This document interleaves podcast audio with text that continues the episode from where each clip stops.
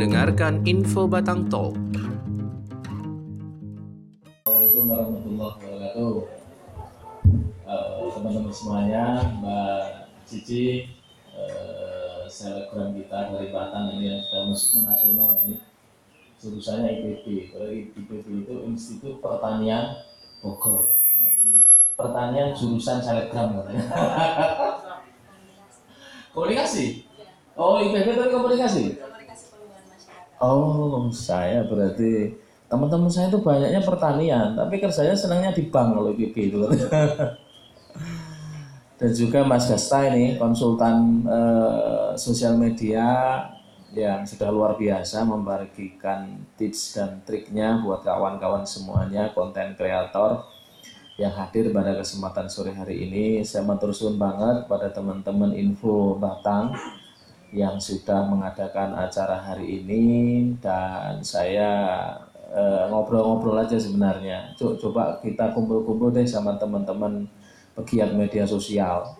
Ya, sehingga saya eh, kontak Mas Bahtiar, saya ngobrol, Mas gimana Mas, coba kita ketemu deh sama teman-teman gitu.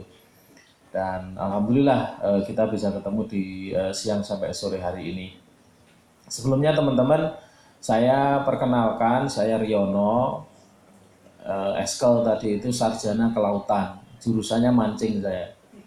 Ya, saya undip, S1 saya undip, S2 saya juga undip. Eh, kemudian eh, saat ini saya juga kalau di situ kan nelayan ya, nelayan milenial. Masa betul, saya sekarang petambak pembudidaya udang di Pemalang, Vaname. Di udang Vaname, saya punya eh, komunitas juga, Serikat Petambak Pantura Indonesia Kemudian saya ketua aliansi nelayan Indonesia yang dulu rame sama Bu Susi Pujiastuti. Saya itu yang sering Jakarta rame-rame itu saya. Eh, dan juga teman-teman saya senang nulis, makanya buku yang di hadapan teman-teman itu sebagian yaitu buku antologi puisi saya.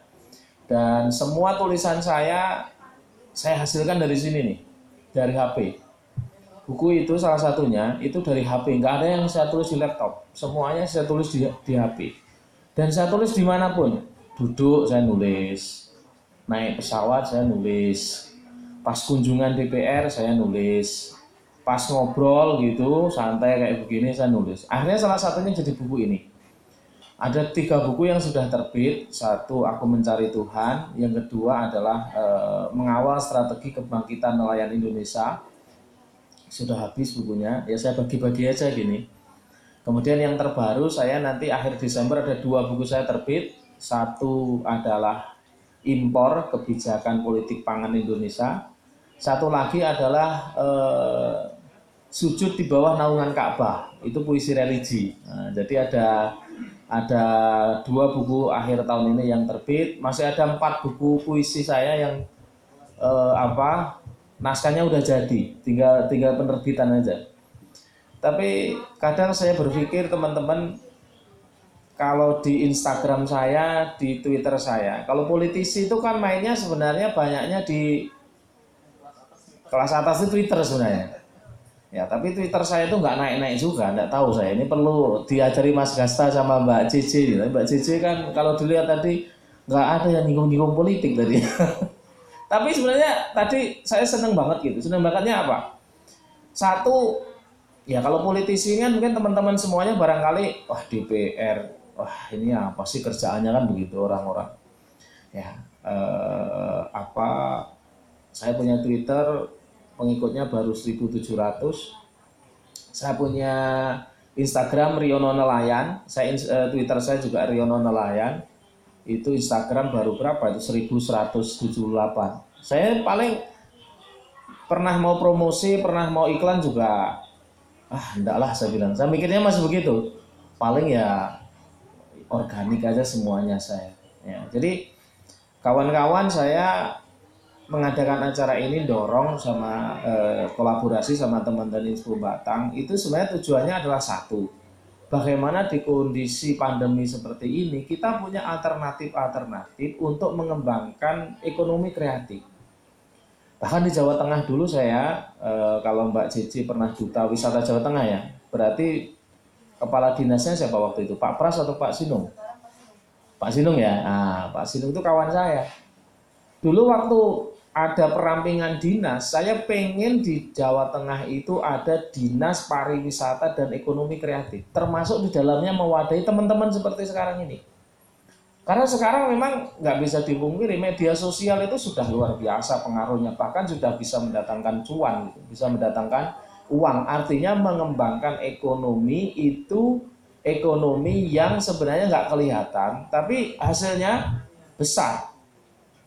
Ya, ini mungkin baru pertemuan pertama kita ini.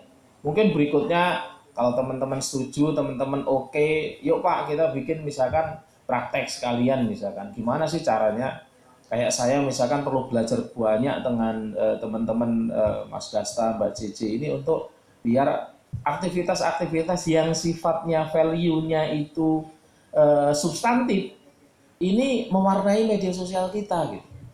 Kita enggak, kita kan enggak pengen media sosial kita itu dipenuhi dengan hujat menghujat, dipenuhi dengan apa uh, perasaan yang galau saja. Ya, ya nilai-nilai positif ini harus kita dorong gitu Kadang kan TikTok itu benar eh, Mbak Cici cerita kalau mau viral itu gampang. Kalau di politisi itu kencingi air zam-zam gitu. Mungkin bisa uh, bukan hanya viral di Indonesia itu. Mungkin sedunia orang akan viral gitu. Seperti sekarang misalkan uh, apa konten-konten yang cepat viral tapi betul akhirnya cepat hilang juga.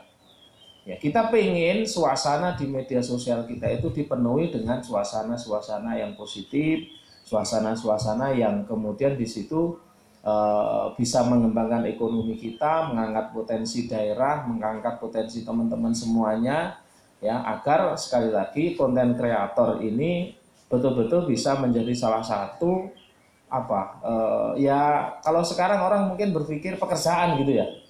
Nah, kalau DPR kayak saya ini kan lima tahun sekali teman-teman. Saya ini tahun ke delapan berarti ya ke ketujuh saya. Saya sudah dua periode sekarang. Ya, kalau yang pakai apa konten kreator yang selebgram selebgram atau mungkin pengikut-pengikutnya itu ratusan ribu atau bahkan jutaan itu ya teman-teman politisi di pusat. Saya ngobrol sama Mas uh, Gasta. Siapa sih Jawa Tengah uh, apa politisi yang peduli begitu dengan ya ngumpul-ngumpul, ketemu, kita ngobrol-ngobrol tentang uh, apa hal-hal substantif yang untuk pengembangan ekonomi anak muda apalagi sekarang ini yang mungkin sedang galau karena pekerjaan juga nggak gampang gitu kan? Ada yang nekat misalkan bikin konten yang sebenarnya itu nggak mendidik kadang kan seperti itu. Nah jadi teman-teman semuanya saya rasa eh, apa konten kreator ini sangat dibutuhkan ya saya sendiri misalkan saya di komisi C teman-teman tugas saya di pengawasan berkaitan dengan pendapatan asli daerah. Saya itu gemes banget. Misalkan melihat IG-nya BUMD, Badan Usaha Milik Daerah misalkan. Ya. Belum pernah tidak ya Mbak Cici ya? BUMD ya? Oh belum pernah ya. Eh ini Mas Gasta ini kayaknya. Ini ini areanya Mas Gasta ini, swasta ini ya. Itu tuh coba bayangin, ini namanya BUMD. Itu dikasih duit sama pemerintah, dikasih uang untuk modal, ya ente kerja gitu. Itu untuk kemudian marketing saja mereka nggak bisa. Ada yang kemarin saya lihat itu pendapatan asli daerah misalkan dari yang namanya Samsat. Teman-teman kalau pasti kan ke Samsat tuh coba cek nanti IG-nya itu. Paling pengikutnya hanya 100 200 coba bayangin nah ini peluang buat teman-teman sebenarnya. Ya termasuk misalkan teman-teman DPR itu ya kadang orang melihat ya kerja banyak tapi tidak dipublikasi. Kira-kira dianggap kerja enggak? Hah? Nggak kelihatan Nggak kelihatan. Tapi kadang orang yang kerjanya sedikit tapi publikasinya banyak itu dilihat seperti orang be bekerja. Nah ini yang saya berharap kawan-kawan semuanya eh, kalau lihat IG saya ataupun juga Facebook saya, Facebook saya Riono Kel Kel itu singkatnya sampai keluyuran. Memang kerjaannya itu keliling aja kayak Mas Gasta ini kerjaannya keliling makan keliling makan gitu kan. Ya, saya pengen sebenarnya karena keahlian saya di bidang tadi disebut di CV saya memang saya sejak kuliah itu fokusnya ke perikanan, kelautan dan pertanian teman-teman. Saya punya LSM nasional juga ada, saya ketua LSM eh, Aliansi Nelayan Indonesia. Kalau teman-teman cari di Google nanti Aliansi Nelayan Indonesia Natuna. Saya yang mimpin operasi memberangkatkan 30 kapal dari Jawa Tengah ke Natuna. Waktu itu sama Pak Mahfud MD sama sekarang eh, Mayor Jenderal Rudianto itu eh, Pangdam eh, Jawa Tengah kemudian saya memang eh, senang untuk di dunia kelautan perikanan. Eh, walaupun saya belum punya apa channel YouTube atau ini belum punya saya pengen sebenarnya. Sebagai seorang politisi menebar kebaikan itu ya kuncinya di situ salah satunya. Ya oleh karena itu kawan-kawan semuanya saya rasa hal yang penting banget eh, di pertemuan sore hari ini saya terima kasih banget Mbak Cici, Mas Gasta dan juga kawan-kawan konten kreator. Mungkin ada yang dari Undip enggak ini? Katanya ada yang dari Undip tadi. Batiar ada? Datang nggak? Kehujanan kayaknya ya. Nyampe Kendal terus pulang gitu ya. Balik kanan ya.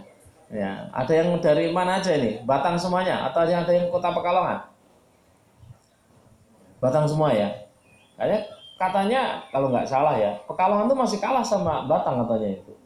Para aktivisnya. Ha? 11 12 loh. ya, saya pengen ngumpulin juga teman-teman yang di Pekalongan atau mungkin waktu di Pemalang.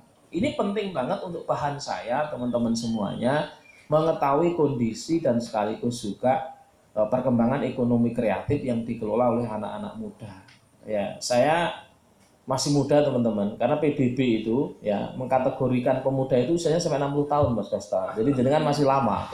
Saya baru 42 ya. Saya masih kita ini masih lama insya Allah ya. Jadi pemuda itu kurangnya 60 tahun sebenarnya.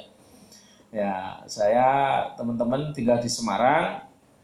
Alhamdulillah eh, karena mewakili wilayah Batang, Pemalang dan Pekalongan aktivitas sehari-hari PR. E, nomor saya kalau mau catat monggo silahkan. Kalau Semarang mau ngobrol, mau ngopi, mau nginep, ada saya gratis Semarang.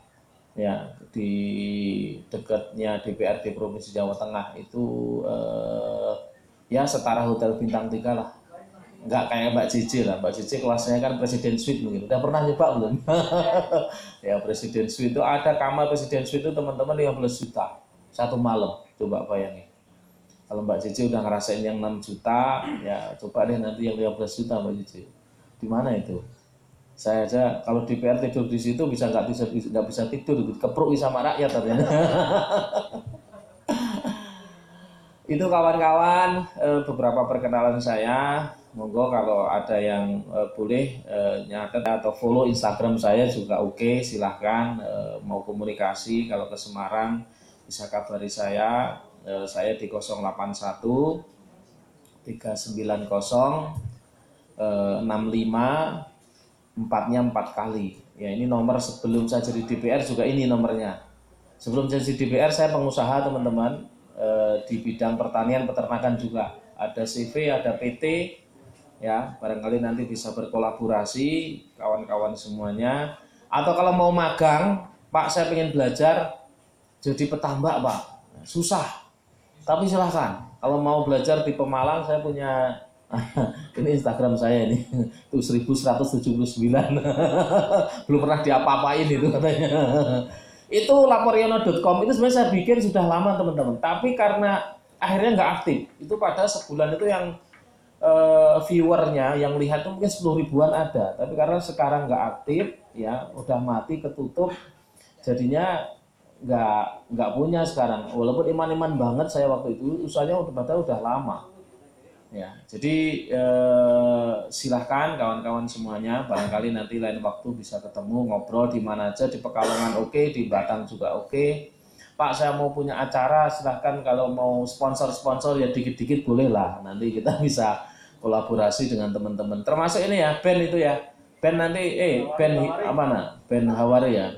Nanti manggung ke tempatnya PKS mau udah wah siap. Nanti kita undang ah anak-anak muda kita ada PKS muda itu nah, nanti kalau mau ngobrol bisa eh, ngamen sama saya nanti di Batang ya